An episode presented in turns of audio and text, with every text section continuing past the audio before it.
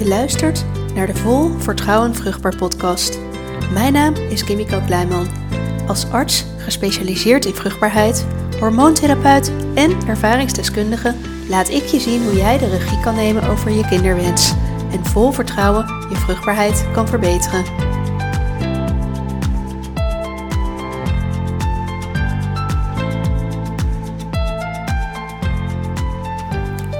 Hier is hij dan, eindelijk, de allereerste aflevering van de Vol Vertrouwen Vruchtbaar podcast.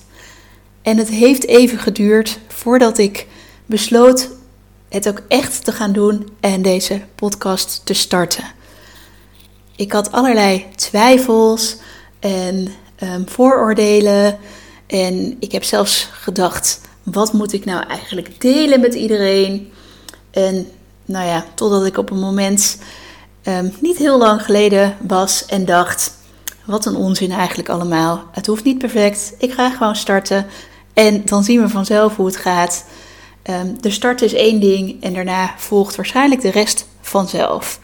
Dat is niet helemaal hoe ik ben, maar soms moet je jezelf een beetje triggeren en, um, en gewoon gaan doen. Dus dat is wat ik doe nu.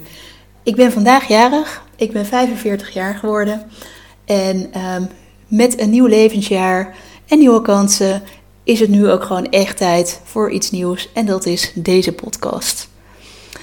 Ik zit al heel lang in het vruchtbaarheidsvak als arts. Ik ben ook hormoontherapeut. Ik heb mijn eigen ervaring, zowel met miskramen als met een langdurige kinderwens. En ik verzamel eigenlijk al 15 jaar, nee langer zelfs, sinds 2007. Hoe lang is dat? 17 jaar mooie verhalen van voorheen patiënten toen ik nog in de kliniek werkte. En inmiddels um, van cliënten bij Sakura Clinics, mijn eigen bedrijf. Dus ik denk eigenlijk dat ik zeker wel wat heb om te delen. Daarbij is mijn visie op vruchtbaarheid echt wel iets anders dan je van de meeste artsen kan verwachten.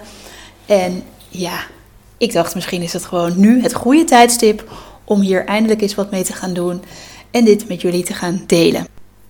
In deze aflevering zal ik je ter introductie meenemen um, door mijn loopbaan tot op heden. Om een beetje een um, achtergrondidee te geven over waar mijn visie op vruchtbaarheid nou eigenlijk vandaan komt. Het begon eigenlijk allemaal op de basisschool al. In de kleuterklas werd door de juf gevraagd destijds wat we later wilden worden als we groot zouden zijn. En ik heb toen gezegd dat ik dokter wilde worden. Toen ik van de basisschool afging, heb ik zo'n boek gekregen met herinneringen. En daar stond inderdaad al in, achter mijn naam, dat ik dit gezegd had. En het is eigenlijk heel bijzonder, want ik had in mijn omgeving helemaal geen artsen. Niet in mijn familie, niet in de vriendenkring van mijn ouders, helemaal nergens. Um, maar ik heb het wel gedaan. En uh, na de middelbare school ben ik uh, met wat omwegen weliswaar uiteindelijk geneeskunde gaan studeren.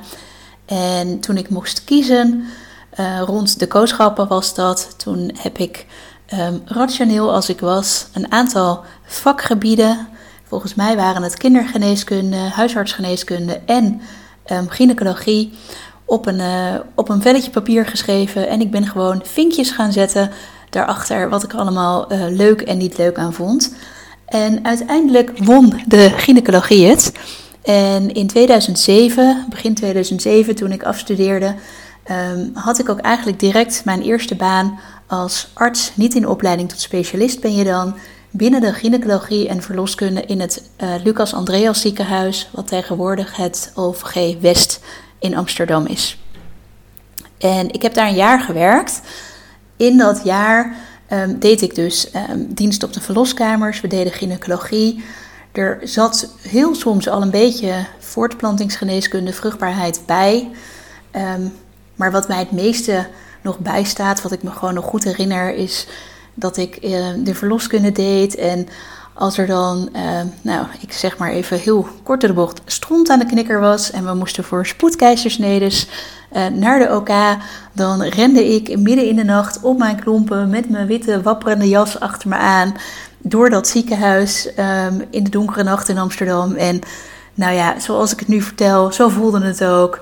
in mijn hoofd speelde ik dan uh, de tune van Medisch Centrum West af. Ik weet niet of jullie dat nog kennen, maar die, uh, die tune van die, van die tv-serie van destijds, die, ja, het deed mij denken aan dokters en aan wat je verwacht als je naar ziekenhuizen en dokters kijkt. En ja, toen ik zelf eenmaal arts was, toen ervoer ik het dus in dat eerste jaar eigenlijk net zo.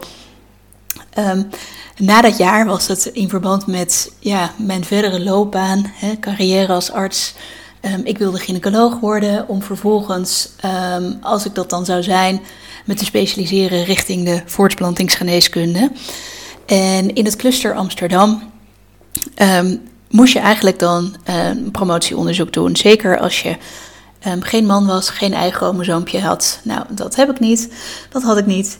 Dus voor mij was het dan via de weg van de promotie eigenlijk ja, het meest logische om, uh, om die opleidingsplek te krijgen. En na dat jaar in het, uh, in het Lucas Andreas, toen um, kon ik starten in het AMC op een promotieplek naar, de, naar het onderzoek, de diagnostiek van eileiderafwijkingen bij vrouwen die verminderd vruchtbaar zijn. Dus toen kwam ik eigenlijk met mijn onderzoek al direct terecht in de voortplantingsgeneeskunde. En naast het onderzoek, ik heb het eerste jaar volledig onderzoek gedaan. Nou, heel eerlijk, dat was echt super saai. Um, ik had een vrij statistisch onderzoek. Ik had geen patiëntgebonden onderzoek, dus het waren alleen maar cijfers. Nou, als je weet dat ik op de middelbare school, um, ik geloof niet eens geslaagd ben voor mijn wiskunde B, dan snap je dat dit niet echt mijn hobby was. Maar um, nou ja, het hoorde erbij hè, en het diende een groter doel. En uiteindelijk ben ik in 2013, negen weken nadat ik beviel van ons eerste kind, gepromoveerd. Um, en al eerder daarvoor um, had het mij inderdaad de opleidingsplek gegeven die ik zo graag wilde. Want ik was in 2012 begonnen met de opleiding tot gynaecoloog. En um, de jaren daarvoor had ik in het AMC gewerkt. Naast dus mijn promotietraject ook als arts in de kliniek. Onder andere bij de herhaalde miskraampolie. In de periode was dat dat ik zelf twee miskramen kreeg. Um, dus dat was wel heel bijzonder. En ik ga het in een latere podcast over mijn eigen ervaringen als patiënt hebben. Zowel over de herhaalde miskramen als later voor een tweede kindje met een, um, ja, een, een, een, langdurige kinderwens. En uiteindelijk een, uh, een baarmoederoperatie en een IVF-traject heb ik destijds gehad. Maar die beginperiode in het AMC um, waren dus de twee miskramen op het moment dat ik daar zelf als arts werkte. Later in opleiding startte ik in, um, in een kliniek um, in de regio, of in, in, in het cluster van Amsterdam. Dus niet in Amsterdam zelf, niet in een academisch ziekenhuis, maar ergens anders. En um, toen ik daar twee jaar in opleiding was, toen dacht ik: dit is eigenlijk helemaal niet wat ik wil.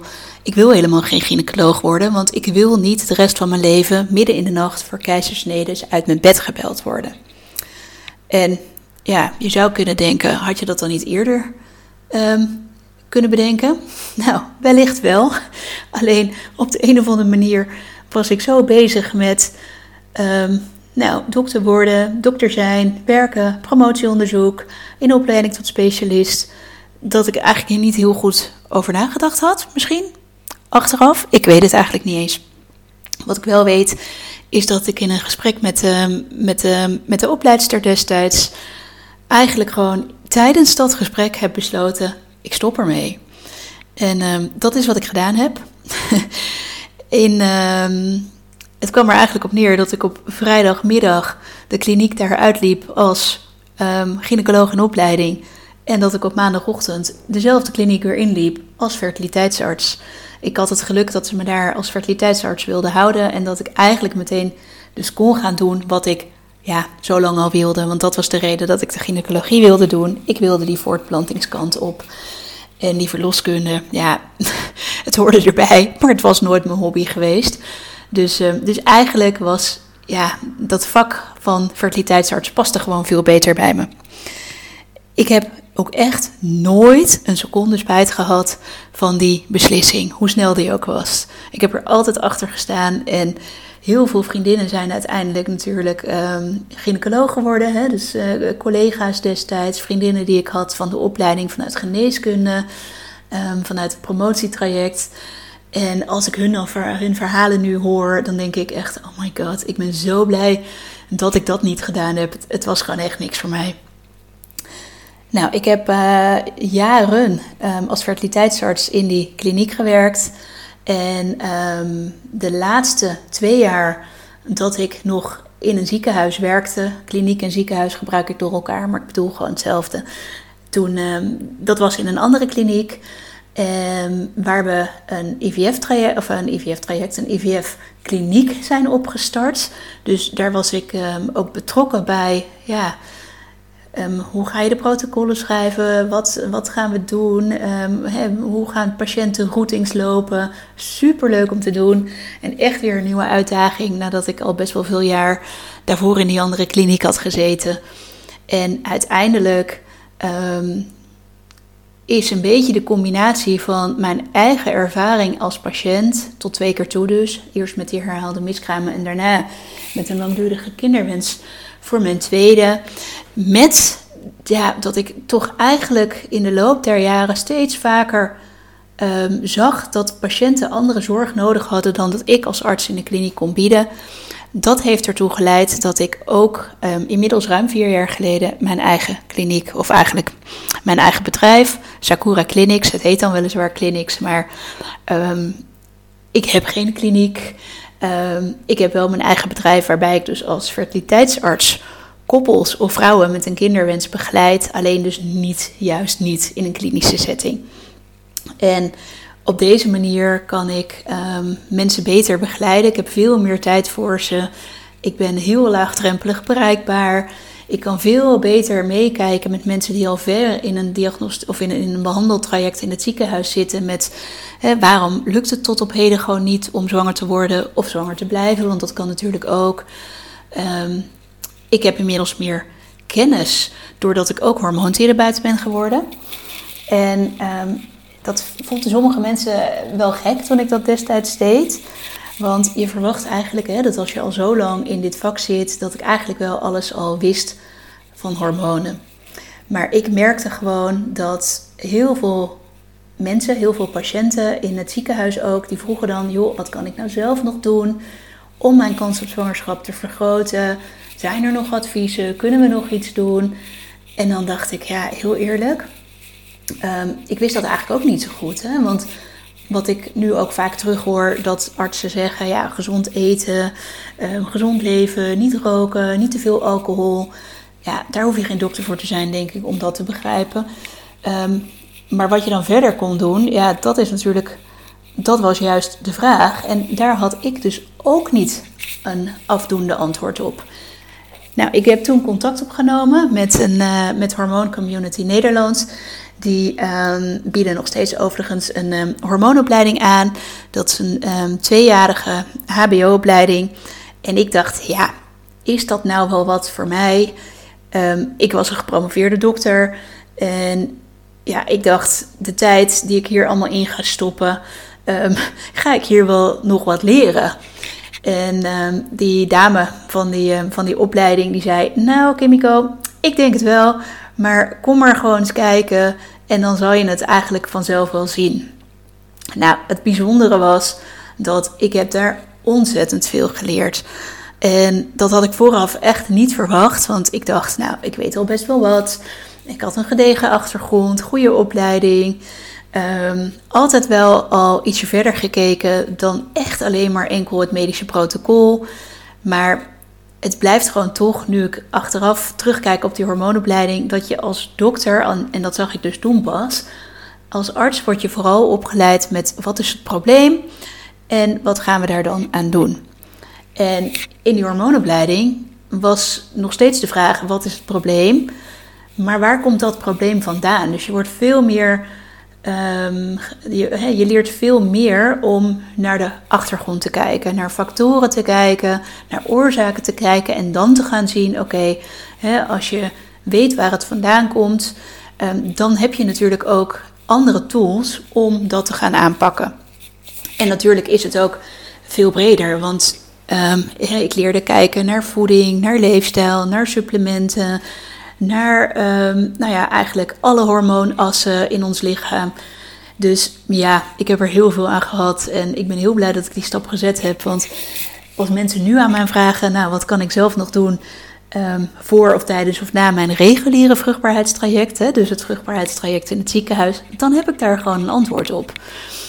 Um, en destijds, toen ik zelf patiënt werd, was dat natuurlijk ook een periode waarin ik was gaan kijken naar van ja, wat kan ik nou naast het reguliere traject zelf nog gaan doen. Dus het een heeft echt wel met het ander um, te maken gehad. En um, al, al die factoren samen um, hebben er ook echt toe geleid dat ik de stap uiteindelijk heb genomen om helemaal uit het ziekenhuis te gaan. Inmiddels zo'n twee jaar geleden. Om me te focussen op mijn eigen bedrijf, op Sakura Clinics en op de manier van begeleiden. Veel individueler en um, veel holistischer dus. En ik blijf het soms een lastige term vinden, maar het, is denk ik wel de term die het beste past bij mijn visie. om ervoor te zorgen dat mensen, nou ja, in ieder geval weten dat ze er alles aan gedaan hebben. Wat natuurlijk wel zinvol en, en effectief zou moeten kunnen zijn om hun kans op zwangerschap zeg maar, te optimaliseren. Want dat is uiteindelijk ook wat je wil op het moment dat je een, zelf een kinderwens hebt. Je wil uiteraard um, zo snel mogelijk een gezonde zwangerschap en een gezond kindje. Maar je wil ook, en dat realiseerde ik me echt pas toen ik zelf patiënt werd. Je wil ook dat je achteraf kan zeggen, als dat niet lukt, dat je er wel alles aan gedaan hebt. En dat is best lastig, want wanneer heb je er alles aan gedaan? En moet je er ook echt wel alles aan doen ehm, om die kans te optimaliseren? Wat kan je er dan aan doen? Nou, dat is eigenlijk waar ik met Sakura voor mijn cliënten, en ik noem mensen bij Sakura cliënten en in het ziekenhuis patiënten, um, om de verwarring een beetje te voorkomen. Maar dat is waar ik voor mensen in meedenk. Um, en met mijn achtergrond als arts vanuit de reguliere kant, als hormoontherapeut, als ervaringsdeskundige, ja, zie ik ook gewoon dat er echt meer factoren zijn die een rol spelen bij het zwanger worden en het zwanger blijven. En dat is iets wat in verdere, latere podcasts um, veel uitgebreider aan de orde gaat komen. In de volgende podcast ga ik vertellen wat ik nou eigenlijk bedoel met vol vertrouwen vruchtbaar en met die holistische visie.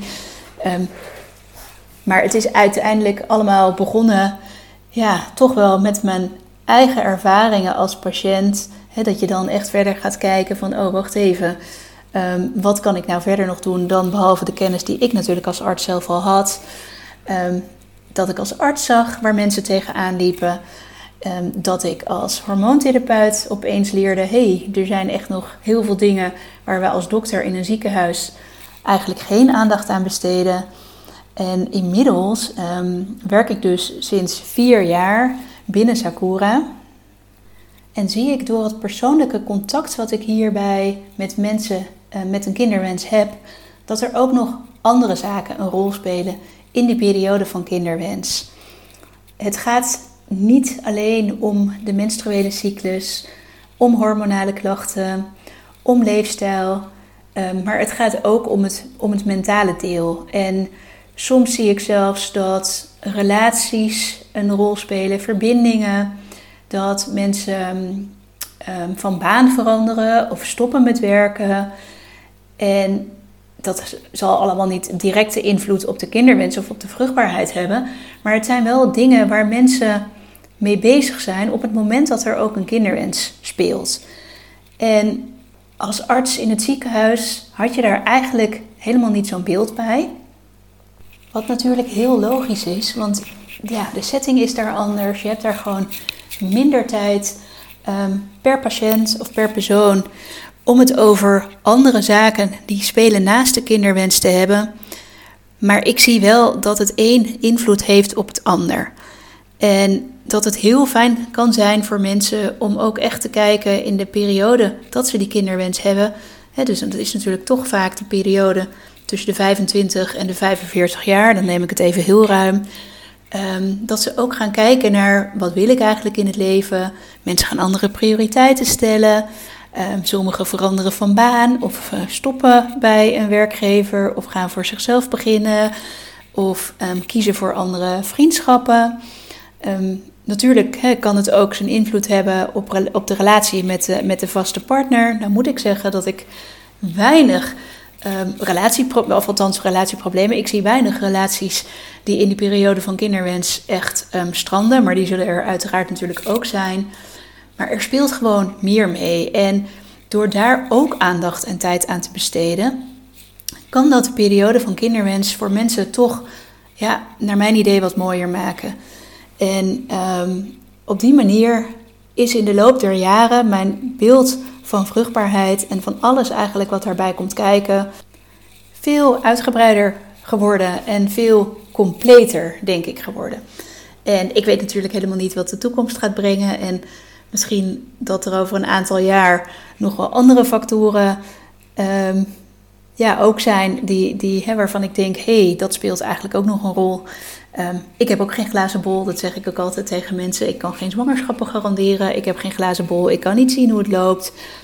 Maar ik denk wel ja, dat het fijn is om naar alle facetten te kijken die in deze periode van je leven een rol spelen. En of ze nou wel of niet direct invloed hebben op de vruchtbaarheid. Um, als ze een invloed hebben op hoe jij je voelt en hoe jij um, vol vertrouwen door deze periode kan gaan, ja, dan vind ik dat gewoon belangrijk, belangrijk om aandacht voor te hebben. En dat is dan dus ook wat ik in deze podcast wil gaan doen. Ik wil uh, mijn medische kennis delen, mijn holistische visie delen, bijzondere verhalen, de meest recente onderzoeken. Dat is iets waar ik sinds ik binnen Sakura werk elke maand tijd voor plan. Dat ik echt kijk in de literatuur, wat is er verschenen aan wetenschappelijk onderzoek en voor wie van mijn cliënten kan dit van belang zijn? Of nou, vanaf nu natuurlijk ook, wat kan ik daarvan delen in deze podcast, waar jullie als luisteraars dan iets aan hebben. Dus dat is uh, mijn idee. Een leuke afwisseling van medische achtergrond, kennis, informatie, mooie verhalen en op termijn ook um, tijd en aandacht voor vragen of suggesties van jullie als luisteraar. Dus mocht je nu al meteen denken: oh, dit mag echt niet ontbreken in jouw podcast, in de komende afleveringen ergens, dan uh, laat het me gerust weten. En dan uh, kan ik daar eens naar kijken wanneer ik dat aan de orde kan brengen. Voordat ik deze eerste podcast hier nu afsluit, wil ik nog wel een kleine disclaimer maken. Want ik ben natuurlijk opgeleid als arts, gepromoveerd en daarna mijn vleugels gaan uitslaan. Misschien moeten we het maar een beetje zo zien. En um, ik kijk dus op bepaalde punten anders dan mijn collega's in het ziekenhuis. En de disclaimer die ik daarbij wil maken is dat ik absoluut niet tegen de reguliere zorg in het ziekenhuis ben. Ik denk zelfs dat voor een groot deel van de patiënten, van de mensen, ehm, de reguliere vruchtbaarheidszorg in het, in het ziekenhuis voldoet aan ehm, wat ze zou moeten doen. Veel mensen worden zwanger na vruchtbaarheidsbehandeling of blijven zwanger op het moment dat het om herhaalde miskramen ging. En het is maar een deel van de mensen, een kleiner percentage, dat op een bepaald moment in hun vruchtbaarheidstraject ergens vastloopt. En bij Sakura zijn dat vooral de mensen die ik zie. En ehm, ik snap ook waarom mensen vastlopen. Want er zijn wel een aantal dingen in de reguliere zorg die voor mij als dokter maakten dat ik daar dus mee gestopt ben. En ik zei het al eerder, volgens mij even kort, maar één van die factoren is dat er gewoon echt weinig tijd is. Spreekuren zijn vol.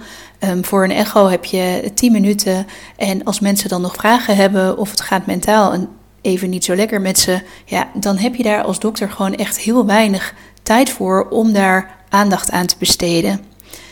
Um, het tweede is dat um, binnen de kliniek toch wel wordt gekeken naar wat het protocol zeg maar aangeeft. En die protocollen die zijn gebaseerd op wetenschappelijk onderzoek, op ehm, nou ja, overleg met de collega's binnen de desbetreffende kliniek. Dus die kunnen per kliniek wel een beetje um, verschillen. Maar het is niet helemaal de bedoeling dat je immens buiten dat protocol um, jouw zorg gaat bepalen voor een individuele patiënt. En naarmate ik langer in dit vakgebied werkte en naarmate ik ook ja, meer mensen zag voor wie dat protocol eigenlijk niet leek te bieden wat ze nodig hadden, ja, dat ging bij mij een beetje, um, dat gaf een beetje wrijving, laat ik het zo zeggen. En toen ik zelf patiënt werd, um, ben ik ook niet altijd helemaal met mijn eigen beleid voor mezelf binnen het protocol gebleven. Omdat je op een gegeven moment toch denkt, ja, ik heb die kinderwens, ik wil dat het gaat slagen. Um, laten we er dan ook maar een stapje harder voor lopen. Nou ja, niet per se letterlijk harder lopen, maar hè, laten we dan een stapje verder gaan dan wellicht gebruikelijk is. En eigenlijk wilde ik dat als arts al mijn patiënten bieden. Maar dat ligt dus wat lastig. Um, en ten derde is het ook zo dat ik als arts um, niet ben opgeleid met voeding, met leefstijl, met hoe kan je patiënten begeleiden in hun mindset, supplementen. Eigenlijk ja, alle factoren waarvan ik nu denk dat ze ook invloed hebben um, op de vruchtbaarheid of op de periode van kinderwens, die vielen niet binnen het, uh, het reguliere opleidingskader als arts. Dus ik wist daar niks van. Dus hè, als je als patiënt aan de dokter vraagt: wat kan ik nou verder zelf nog doen? Ja, dan is het natuurlijk niet gek dat de arts daar geen duidelijk antwoord op heeft op het moment dat hij of zij dat nooit geleerd heeft. En hè, nogmaals, ik zie vooral mensen die um, ergens in het reguliere vruchtbaarheidstraject vastlopen en zeggen: Ja, weet je, we proberen dit al zo lang of we proberen al zo vaak hetzelfde. Um, kunnen we niet een stap verder kijken? Of ik zie mensen die zeggen: Ja, ik wil eigenlijk helemaal niet in een regulier traject. Ik wil gewoon zelf kijken hoe ik mijn vruchtbaarheid en mijn gezondheid um, zonder tussenkomst van een dokter of een kliniek kan optimaliseren. En voor die mensen snap ik dat ze gaan zoeken buiten de reguliere zorg. Maar voor een heel groot deel van de mensen is dus de zorg in Nederland ja, eigenlijk ook gewoon hartstikke goed. Nou, tot zover um, mijn disclaimer. Even voor de duidelijkheid. Um, in de volgende aflevering wil ik meer gaan vertellen over waarom alles wat ik doe nou eigenlijk zo'n beetje vol vertrouwen vruchtbaar heet. De podcast heet zo, mijn 1 op 1 traject heet zo, mijn online programma heet zo. En um, dat heeft natuurlijk een reden, los van het feit dat ik heel blij werd van de heerlijke alliteratie. Um, maar wat dan die reden is en wat ik versta onder vol vertrouwen vruchtbaar, dat vertel ik je in de volgende aflevering.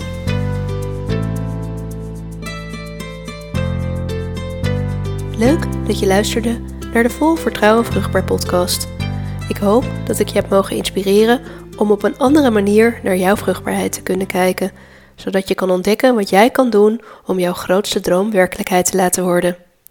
Wil jij geen aflevering meer missen van deze podcast? Abonneer je dan in de podcast-app waar je nu deze podcast luistert. Je kan daar ook meteen een review achterlaten om mij te laten weten wat je van de podcast vond.